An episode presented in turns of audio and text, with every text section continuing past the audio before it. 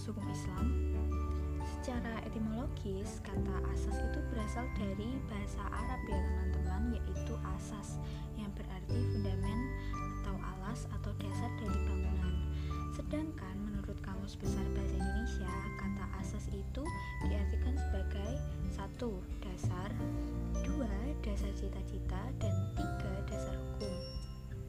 Itu hanya pengertian dari kata asas ya teman-teman. Sedangkan untuk pengertian dari asas hukum Islam itu sendiri merupakan rujukan atau dasar pijakan untuk mengembalikan segala permasalahan yang terkait dengan hukum Islam. Nah, asas hukum Islam itu dapat ditemukan dari kedua sumber pokok hukum Islam, yaitu Al-Quran atau Sunnah, dan ditambah dengan sumber pemikiran para ulama melalui ijtihad, teman-teman. Langsung saja ya, teman-teman, saya akan membahas asas-asas umum hukum Islam. Nah, di sini terdapat asas keadilan. Asas keadilan ini merupakan asas yang sangat penting dalam hukum Islam yang mendasari semua hukum Islam lainnya.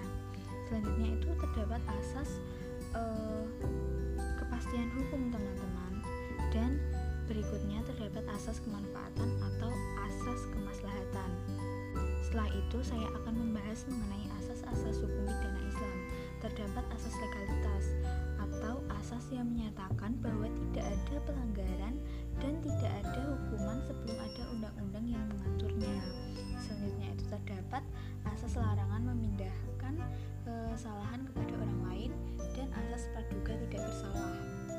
Selanjutnya, dalam asas-asas hukum perdata Islam itu terdapat banyak asas asas itu teman-teman.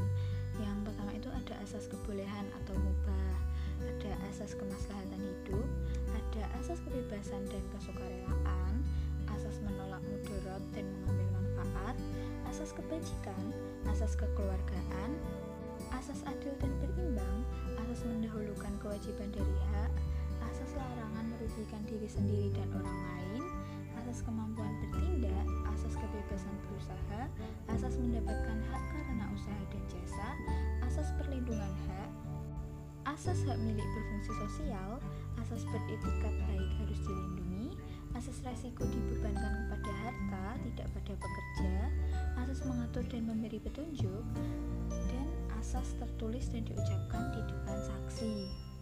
Selanjutnya, saya akan membahas mengenai asas-asas hukum perkawinan dalam Islam.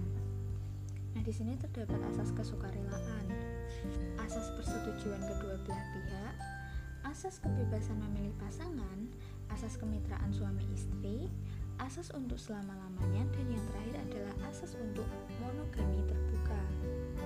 Nah, dalam asas-asas tersebut itu juga sudah dijelaskan dalam ayat-ayat di Al-Quran, teman-teman. Selanjutnya terdapat asas-asas hukum kewarisan Islam.